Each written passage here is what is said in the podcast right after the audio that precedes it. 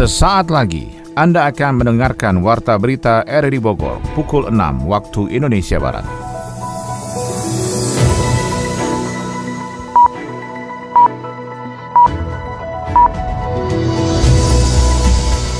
Selamat pagi dan salam jumpa. Kembali kami hadir dalam Warta Berita edisi hari ini, Sabtu 4 Februari 2023. Siaran kami bisa Anda dengarkan lewat audio streaming di RRI Play dan bisa Anda dengarkan juga di audio on demand di Spotify, Anchor, Portal, dan Google Podcast. Berikut kami sampaikan berita utama.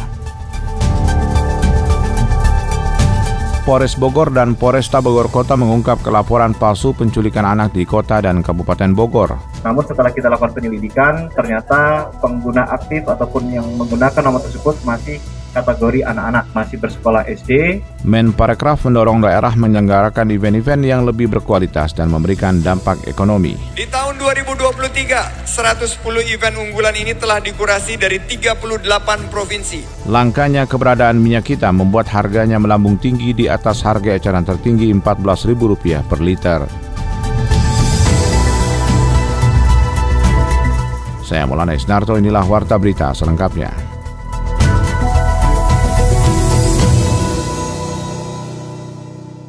Polresta Bogor Kota mengungkap laporan palsu penculikan anak. Pelapor yang merupakan anak di bawah umur membuat laporan fiktif dengan motif hanya mengerjai. Laporan Sony Agung Saputra. Kepolisian Kota Bogor menemukan adanya laporan palsu terkait penculikan anak yang sempat beredar di media sosial. Kapolresta Bogor Kota Kombes Pol Bismo Teguh Prakoso mengungkapkan pihaknya menerima aduan adanya kasus dugaan penculikan anak dari call center yang sudah beredar di masyarakat. Kemudian kepolisian melakukan penelusuran terhadap laporan itu dengan mengkonfirmasi kepada pelapor tentang kejadian tersebut tempat serta identifikasi masalah. Namun saat penelusuran dan penyelidikan berlangsung ternyata sang pelapor tidak merespon sejumlah pertanyaan dari penyidik sehingga polisian melakukan petindakan untuk mencari tahu data si pelapor. Dari penelusuran itu diketahui bahwa pelapor merupakan anak di bawah umur yang membuat laporan fiktif tentang dugaan penculikan dengan motif hanya sekedar iseng. Namun setelah kita lakukan penyelidikan, ternyata pengguna aktif ataupun yang menggunakan nomor tersebut masih kategori anak-anak masih bersekolah SD. Namun dari hasil pemeriksaan, kemudian pendalaman dan juga disertai dengan pemeriksaan terhadap orang tuanya membenarkan bahwa nomor tersebut adalah memang benar milik si anak tersebut dan memang HP tersebut HP-nya satu namun yang menggunakan anak dan ibu. Nah, ini artinya bahwa si orang tua juga memiliki tanggung jawab untuk mengawasi terhadap isi ataupun konten yang diserkan bahwa berita share tersebut berawal bermula dari lingkungan sekolah. Lingkungan sekolah sampai ke si anak ini. Selanjutnya kepolisian melakukan pembinaan kepada orang tua pelapor yang merupakan anak di bawah umur dengan membuat pernyataan tidak akan mengulangi perbuatannya. Dibikin surat pernyataan Siap, ya sudah. dan kepada bapak ibunya untuk mengawasi perilaku anak tersebut. Kepada yang lainnya itu. jangan melakukan hal-hal yang meresahkan, kemudian menyebar berita yang belum tentu dipastikan kebenarannya. Kalau ada informasi silakan diinformasikan kepada kita,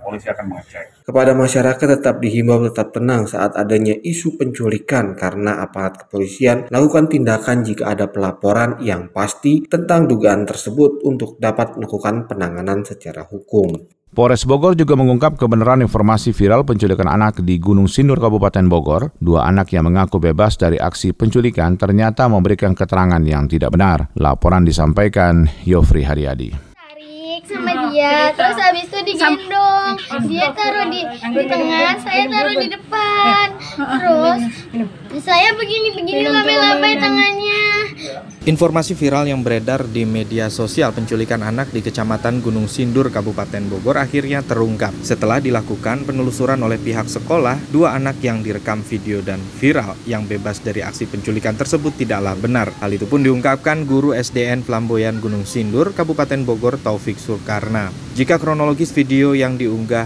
di berbagai laman medsos dan diyakini oleh warganet sebagai fakta penculikan anak berawal pada Jumat pekan lalu saat siswa dipulangkan karena ada kegiatan guru melawat guru lain yang meninggal dunia. Taufik menegaskan, dua siswanya itu pun memberikan keterangan yang tidak benar. Siswa kami ini ataupun anak dari sekolah sini memberikan keterangan yang tidak benar. Kebenarannya adalah dia bermain kepada temannya sehingga lupa dengan waktu dan terlambat pulang ke rumah.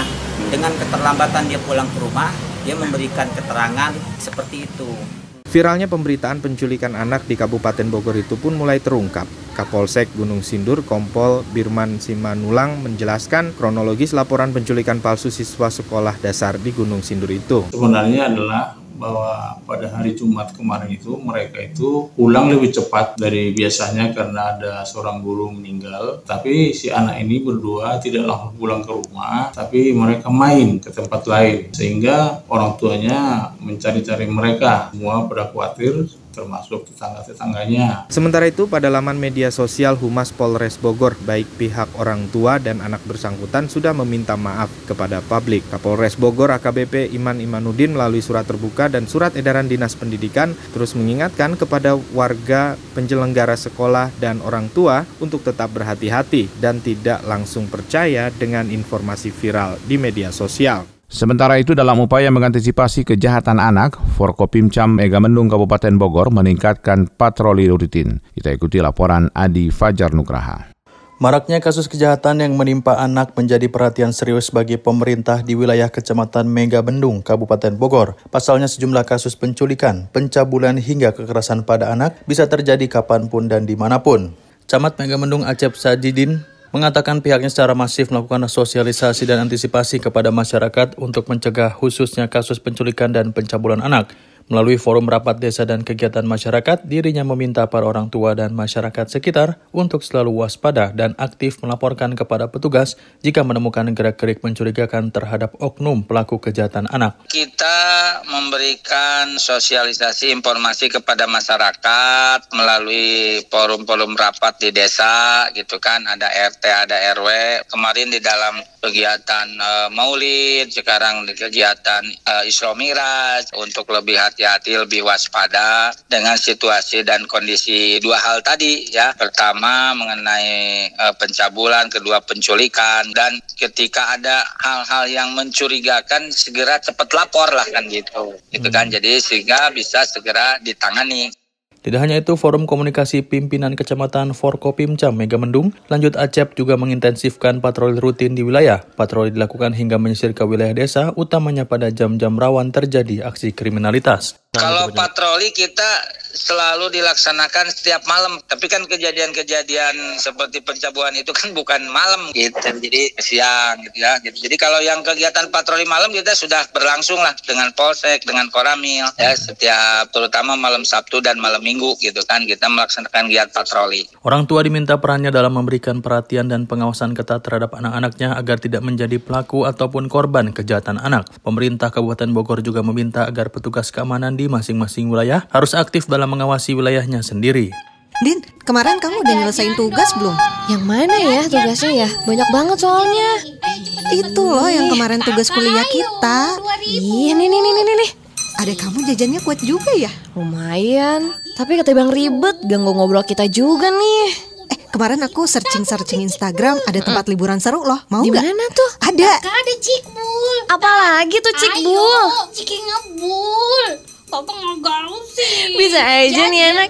Jangan kita mana ada Cikbul. Tapi emang sekarang lagi rame soal keracunan zat nitrogen yang ada di Cikbul tahu? Oh ya? Sekarang tuh cuma modal tren sama viral doang. Nggak tahu deh kandungannya apa. Belum lagi jajanan lainnya. Malah bisa bahaya buat kesehatan. Ngeri juga ya. Kakak, kakak, aku mau bawa Ih, udah atuh. Jangan jajan terus ya. Gimana kalau kita main domikado? Mau nggak? Yuk, awasi pangan jajan anak supaya terbentengi dari pangan jajan berbahaya. Kita beralih ke informasi lainnya, Menteri Pariwisata dan Ekonomi Kreatif Sandiaga Salahuddin Uno mendorong daerah menyelenggarakan event-event yang lebih berkualitas sehingga menarik pengunjungan wisatawan dan memberikan dampak ekonomi. Laporan Adi Fajar Nugraha. Bogor Street Festival Cap Gome resmi masuk dalam Karisma Event Nusantara atau KEN 2023 Kementerian Pariwisata dan Ekonomi Kreatif. BSF Cap Gome juga berhasil terpilih dalam mini showcase 10 event terbaik dari 110 event di 38 provinsi yang dikurasi oleh Kemenparekraf. Menparekraf Sandiaga Uno mengatakan event-event yang ada di wilayah berpotensi menjadi pemicu kebangkitan ekonomi dan pariwisata Indonesia. Menurutnya, setiap event harus dapat membuka peluang usaha, lapangan kerja, dan mengangkat budaya budaya setempat. Oleh karena itu, Sandi menekankan event daerah mesti diselenggarakan dengan lebih berkualitas. Dengan begitu, kunjungan wisatawan mancanegara dan wisatawan Nusantara akan semakin berkualitas dan memberikan dampak ekonomi. Di tahun 2023, 110 event unggulan ini telah dikurasi dari 38 provinsi. Dan ini kita harapkan ada lima bidang penilaian yaitu pariwisata dan ekonomi kreatif, inovasi dan kreativitas, manajemen event, strategi komunikasi, serta pengembangan bisnis dan pemasaran. Dan melalui inovasi, adaptasi, dan kolaborasi, kita bangga berwisata di Indonesia aja. Kita ingin kunjungan wisatawan mancanegara dan wisatawan Nusantara semakin berkualitas dan memberikan dampak ekonomi sebagai kebanggaan negara. Terbaik di Karisma Event Nusantara tahun ini ada dari Sumatera ada Aceh Culinary Festival. Ada Banjarmasin Sasirangan, ada juga Bogor Street Festival atau Cap Gome. Sementara itu, Ketua Panitia Bogor Street Festival Cap Gomeh 2023 Arifin Himawan menjelaskan bahwa event CGM akan mengakomodir para pelaku UMKM untuk bisa mendorong ekonomi mikro di kota Bogor. Pihaknya telah menyediakan spot-spot khusus UMKM untuk berdagang sejak pra-event hingga pada saat hari H pelaksanaan CGM 2023. Dampak ekonomi lainnya dari gelaran BSF CGM ialah meningkatnya jumlah wisatawan yang datang ke kota Bogor untuk menginap di hotel yang berimbas pada peningkatan pendapatan asli daerah atau PAD. Kalau bicara soal dampak ekonomi yang lainnya seperti UMKM, ini tentunya juga di dalam perayaan Cap Gome ini itu difasilitasi para penggiat UMKM. Nah, ini saya kira ini menjadi nilai value yang baik dan itu berdampak pastinya buat masyarakat luas. Dan ini menjadi daya tarik bahwa di sana terjadilah peningkatan pariwisata datang ke Kota Bogor pada saat event Cap Gome. Nah, dampak yang diharapkan lebih lanjut adalah di tahun-tahun sebelumnya juga dari luar negeri itu juga para turis asing juga datang. Kebetulan mereka ada di Indonesia, mereka jadi datang ke Kota Bogor dan diliput juga oleh media-media internasional. Bogor Street Festival CGM kembali digelar secara meriah di Surya Kencana pada 5 Februari 2023. Perayaan itu menjadi kebangkitan perdana usai dihantam pandemi selama dua tahun terakhir. Dinas Arsip dan Perpustakaan Kabupaten Bogor meraih penghargaan nasional peringkat 6 nasional kategori A memuaskan. Laporan Yofri Haryadi. Dinas Arsip dan Perpustakaan DAP Kabupaten Bogor meraih penghargaan nasional di bidang kearsipan dengan peringkat 6 nasional kategori A memuaskan. Hal itu didasarkan pada pengawasan kearsipan yang dilakukan Arsip Nasional Republik Indonesia yang setiap tahunnya melakukan supervisi dan pembinaan di sejumlah instansi pemerintah dan swasta di Indonesia. Kepala Kantor Arsip dan Perpustakaan Kabupaten Bogor TB Lutfisya mengungkapkan selain predikat pengelolaan arsip terbaik, tingkat literasi masyarakat masyarakat di Kabupaten Bogor juga masuk dalam kategori baik meski berada di angka sekitar 60 persen. Akan tetapi kemudahan masyarakat untuk mendapatkan informasi dan arsip dan data terkait kependudukan dan kepemerintahan menjadi percontohan pengelola arsip di daerah lainnya di Indonesia. Penggunaan metadata dari pelayanan arsip di Kabupaten Bogor sangat signifikan. Kita menjadi salah satu yang terbaik secara nasional. Sudah tiga tahun nih berturut-turut. Tahun ini dapat mau dapat penghargaan lagi mungkin di Surabaya. Begitu juga itu dari lake audit eksternal kearsipan. Lalu ada lagi misalkan SIKN, JIKN, Sistem Informasi Kearsipan Nasional. Kita menjadi salah satu yang terbaik juga. Nasional lah ya. Untuk urusan perpustakaan, kemarin ada surat dari Perpusnas, indeks literasi membaca masyarakat kan kita ada pada angka 65,7. Itu belum bagus. Penghargaan yang diperoleh Kabupaten Bogor didasarkan atas Undang-Undang Nomor 43 Tahun 2009 tentang kearsipan, Peraturan Pemerintah Nomor 28 Tahun 2021 tentang pelaksanaan Undang-Undang Nomor 43 Tahun 2009 dan Keputusan Kepala Arsip Nasional Republik Indonesia Nomor 104 Tahun 2022. Sejumlah titik proyek jalan yang didanai Samisade kondisinya rusak akibat cuaca dan beban jalan. Kita ikuti laporan Yofri Haryadi. Proyek bantuan infrastruktur desa Samisade di Kabupaten Bogor mulai mendapat sorotan dari publik. Salah satunya di Desa Gadok, Kecamatan Megamendung, Kabupaten Bogor. Proyek pembangunan yang telah direalisasikan pada tahun anggaran 2022 ternyata masih ada yang berlanjut hingga Februari 2023. Meski alokasi anggarannya masuk di tahun anggaran sebelumnya, dijelaskan Kepala Desa Gadok, Kecamatan Megamendung, Dedi Supriyadi menjelaskan ada beberapa titik proyek jalan yang didanai Samisade yang kondisinya rusak rusak akibat cuaca dan beban jalan dan pihak desa melakukan perbaikan atau garansi atas jalan yang rusak itu. Dijelaskan Dedi Supriyadi berdasarkan musyawarah untuk menggunakan paving block untuk proyek jalan lingkungan sepanjang 1.700 meter di wilayahnya dan akan dilanjutkan untuk 1.300 meter pada termin berikutnya. Jenis paving lebih mudah dalam pemeliharaan dan perawatan pada kondisi cuaca lembab dengan kontur berbukit. Tahap pertama udah masuk, tahap kedua nih kita sampai terakhir tadi Februari ya Des ya. Itu kan karena ada keterlambatan. Jadi ada ke tahap kedua di Februari ini. Sekalian kita opnam, sekalian nanti yang bocel-bocel kayak gitunya diperbaiki masih garansi. Jadi lanjutan kemarin karena telat pencairan. Tapi tetap pencairan masih di tahun 2022 tahap keduanya gitu. Cuman kita pengerjaannya kan masih pelanjutan lanjutan lanjutan. Kemarin tahap pertama 1700, tahap keduanya berarti 1300. Sementara itu, Kepala Badan Pengelola Keuangan dan Aset Daerah Kabupaten Bogor, Teuku Mulya menjelaskan bantuan keuangan sifatnya terbatas dan sejatinya tidak dapat diberikan berturut-turut. Namun ada pengecualian untuk program Samisade. Anggarannya sekitar 9, 395 yang lalu. Realisasi. 99 persen 407 masalah 407 miliar. namanya bantuan keuangan itu nggak bisa terus menerus nggak bisa. Oh. itu kan bantuan keuangan dikasih secara khusus gitu. Belum tentu 2024 belum ada ya? belum tentu ada. Bisa jadi ini bisa terakhir nah itu nggak tahu Berdasarkan catatan dari BPKAD Kabupaten Bogor, ternyata masih ada desa yang laporan pertanggungjawaban penggunaan dana Samisade yang belum disetujui oleh bidang APIP Pemkap Bogor, sehingga menjadi pemberat dalam kelanjutan program Samisade berikutnya. Wali Kota Sukabumi Ahmad Fahmi akan terus mengawal target pencapaian pembangunan di Kota Sukabumi di akhir masa kepemimpinannya bersama Wakil Wali Kota Andri Hamami. Laporan Adi Fajar Nugraha. Wali Kota Sukabumi Ahmad Fahmi akan terus mengawal target pencapaian pembangunan di Kota Sukabumi di akhir masa kepemimpinannya bersama Wakil Wali Kota Andri Hamami. Fahmi mengungkap secara umum pelaksanaan program pembangunan pada tahun 2022 mencapai lebih dari 90% dengan realisasi pembangunan fisik sekitar 80%. Ia pun menerangkan bahwa tahun 2023 sebagai tahun terakhir masa kepemimpinannya ditargetkan 5% program pembangunan tersisa yang telah tercantum dalam Rencana Pembangunan Jangka Menengah Daerah atau RPJMD dapat dituntaskan pada triwulan pertama. 2022 yang 80% ini ada beberapa sisi ya. Secara umum 9 di atas 90 persen sebenarnya. Tetapi yang dapat 80 persen itu ada beberapa pembangunan fisik yang di 80 persen ini. Di 2023 ini masa jabatan terakhir saya dengan Pak Wakil tentunya kita ingin menuntaskan apa-apa yang terdapat dalam RPJMD itu menjadi prioritas. Alhamdulillah kemarin hasil evaluasi sekitar 5 persen lagi yang belum tuntas dalam RPJMD. Jadi insya Allah bisa kita tuntaskan di tahun 2023 ini. Fahmi mengatakan adapun program yang masih dalam proses penyelesaian terdiri dari pembangunan fisik dan sosial ekonomi, di antaranya untuk menurunkan angka kemiskinan hingga 7%.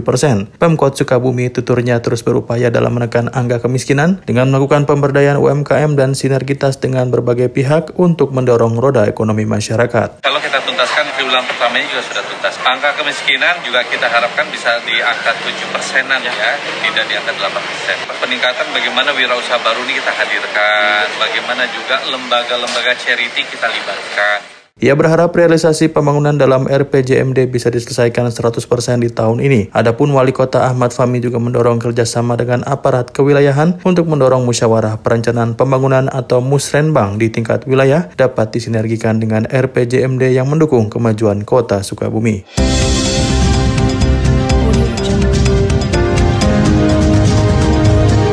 Anda tengah mendengarkan Warta Berita RRI Bogor. Dari dunia ekonomi, Bursa Efek Indonesia mencatat periode akhir Januari 2023 jumlah investor dalam SID sebanyak 10,4 juta, naik dari sebelumnya 10,3 juta. Langkanya keberadaan minyak kita membuat harganya kini melambung tinggi di atas harga eceran tertinggi Rp14.000 per liter. Laporan ekonomi ini akan disampaikan Adi Fajar Nugraha. Langkanya keberadaan minyak kita membuat harganya kini melambung tinggi. Saat ini harga minyak kita sudah di atas harga eceran tertinggi atau HET Rp14.000 per liter. Hal ini tentunya membuat para konsumen dan penjual mengeluh. Menanggapi hal tersebut, Menteri Perdagangan Zulkifli Hasan mengatakan jika minyak kita dijual di atas Rp14.000 per liter, maka akan dikenakan penalti. Hal itu akan diawasi langsung oleh Satgas dan jika terbukti, baik agen maupun pabrik akan ditindak dengan penutupan. Ia juga mengungkapkan alasan langkanya minyak kita di pasar tradisional. Hal itu karena minyak kita dijual di retail modern hingga di online. Zulhas menegaskan jika minyak kita tidak boleh dijual secara online. Nantinya minyak kita akan fokus didistribusikan untuk di pasar-pasar tradisional. Nantinya sudah ada 20 ribu lebih pasar tradisional yang mendistribusikan minyak kita. Bursa Efek Indonesia BEI mencatat periode akhir Januari 2023 jumlah investor yang ada dalam SID sebanyak 10,4 juta. Direktur Utama BEI Iman Rahman mengungkapkan angka ini naik dibandingkan periode tahun lalu sebesar 10,3 juta. Iman menjelaskan tahun ini BEI menargetkan jumlah investor sebanyak 13,5 juta atau naik sekitar 35 persen. Ia menambahkan investor mayoritas diisi oleh orang berusia di bawah 40 tahun atau sekitar 81,2 persen. Sisanya merupakan investor yang berusia di atas atas 40 tahun. Dari komposisi pemegang saham sebanyak 45,8 persen dikuasai oleh asing dan sisanya 54,2 persen oleh investor domestik. Sebelumnya BI mencatat investor pasar modal pada 28 Desember sebanyak 10,3 juta investor. Angka ini meningkat sebanyak 37,5 persen dari posisi akhir Desember 2021 sebanyak 7,48 juta. Dijelaskan, lonjakan pertumbuhan jumlah investor retail juga turut berdampak terhadap dominasi investor retail terhadap aktivitas perdagangan harian di BI yang mencapai 44,9 persen. Menurut BI, peningkatan jumlah investor merupakan hasil dari upaya BI dan para pemangku kepentingan dalam melakukan sosialisasi, edukasi, serta literasi kepada masyarakat. Hingga 28 Desember 2022 telah berlangsung 11.253 kegiatan edukasi di seluruh wilayah Indonesia dengan jumlah peserta mencapai lebih dari 1,7 juta orang.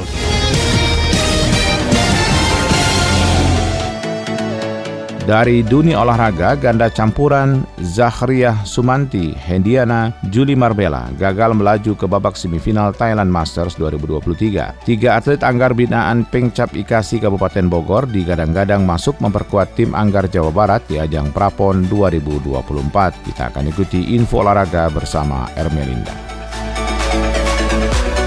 Zakaria Sumanti dan juga Hediana Juli Marbella gagal melaju ke babak semifinal Thailand Masters 2023. Mereka dikalahkan oleh dua Korea Selatan Kim Won Hu dan juga Jong Nan Eun pada babak perempat final dengan skor 12-21, 21-19, dan 15-21. Pertandingan itu berlangsung di Nimi Buter Arena, Bangkok, Thailand pada hari Jumat. Zaka dan juga Bella sendiri sebenarnya dapat memulai set pertama dengan sangat baik. Tidak hanya itu, Kim dan juga Jong berbalik memimpin dengan skor 7-5. Memasuki set kedua, Zakabella mencoba untuk bangkit. Mereka dapat mengembangkan permainannya dan memimpin 2-0. Namun Kim dan juga Jeong dapat langsung menyamakan skor 6-6. Zakabella terus berusaha untuk bangkit, hanya saja energi mereka tampak sudah habis. Mereka pun harus tertinggal jauh saat laga mencapai interval ketiga dengan skor 2-11. Keadaan tersebut tidak mengalami perubahan yang signifikan dan tertinggal 4-14. Mereka kemudian sempat berusaha mengubah permainannya dan berebut poin. Namun mereka akhirnya tersingkir usai bermain selama 55 menit dengan skor 15-21. Tiga atlet anggar binaan Pengcap Ikatan Anggar Seluruh Indonesia IKASI Kabupaten Bogor atas nama Agna Firasyah, Tifra Simanjuntak, dan juga Nicholas Owen Saputra diprediksi masuk tim pelatda Anggar Jawa Barat untuk Pekan Olahraga Nasional PON 2024 di Sumatera Utara dan Aceh. Masuknya tiga nama atlet Anggar besutan Dastam ini berdasarkan hasil rapat anggota tahunan atau RAT IKASI Jawa Barat yang digelar di Hotel Ardan Kota Bandung beberapa waktu lalu. Pelatih Anggar Kabupaten Bogor, Dastam mengatakan hasil RAT ketiga nama atlet ini digadang-gadang masuk untuk bisa memperkuat tim Anggar Jawa Barat di ajang Prapon 2024 yang akan digelar di Solo, Jawa Tengah pada bulan Juli 2023 mendatang. Ke depannya dan harapan semoga ketiga atlet ini bisa lolos dan bisa mewakili Jawa Barat. Adapun agenda untuk ke depannya di tahun ini kita sedang menunggu surat dari Pengcap Pemprov daerah lain karena setiap kejuaraan mereka akan bersurat ke kita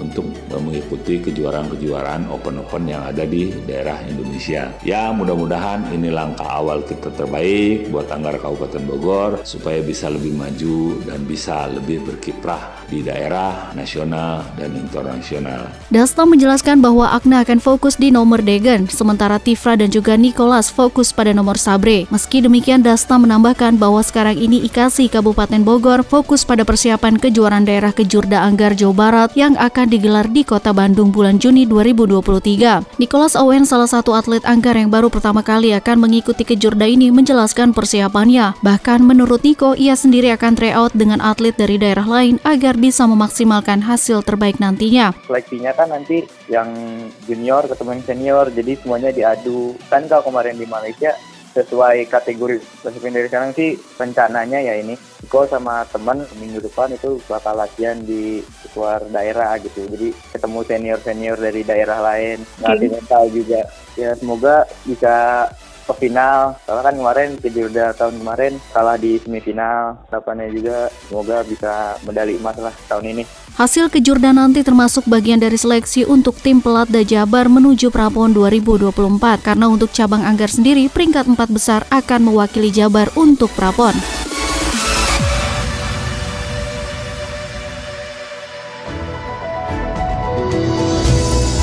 Demikian rangkaian informasi yang kami hadirkan dalam Warta Berita di edisi hari ini. Sebelum berpisah, kami kembali sampaikan berita utama.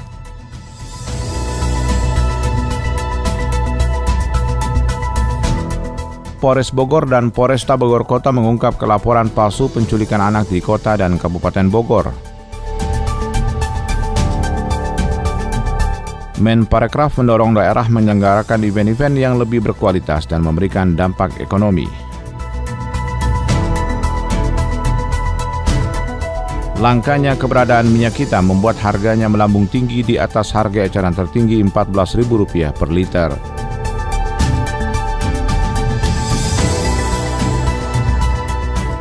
Mewakili kerabat kerja bertugas, saya Maulana Estarto mengucapkan terima kasih. Selamat pagi.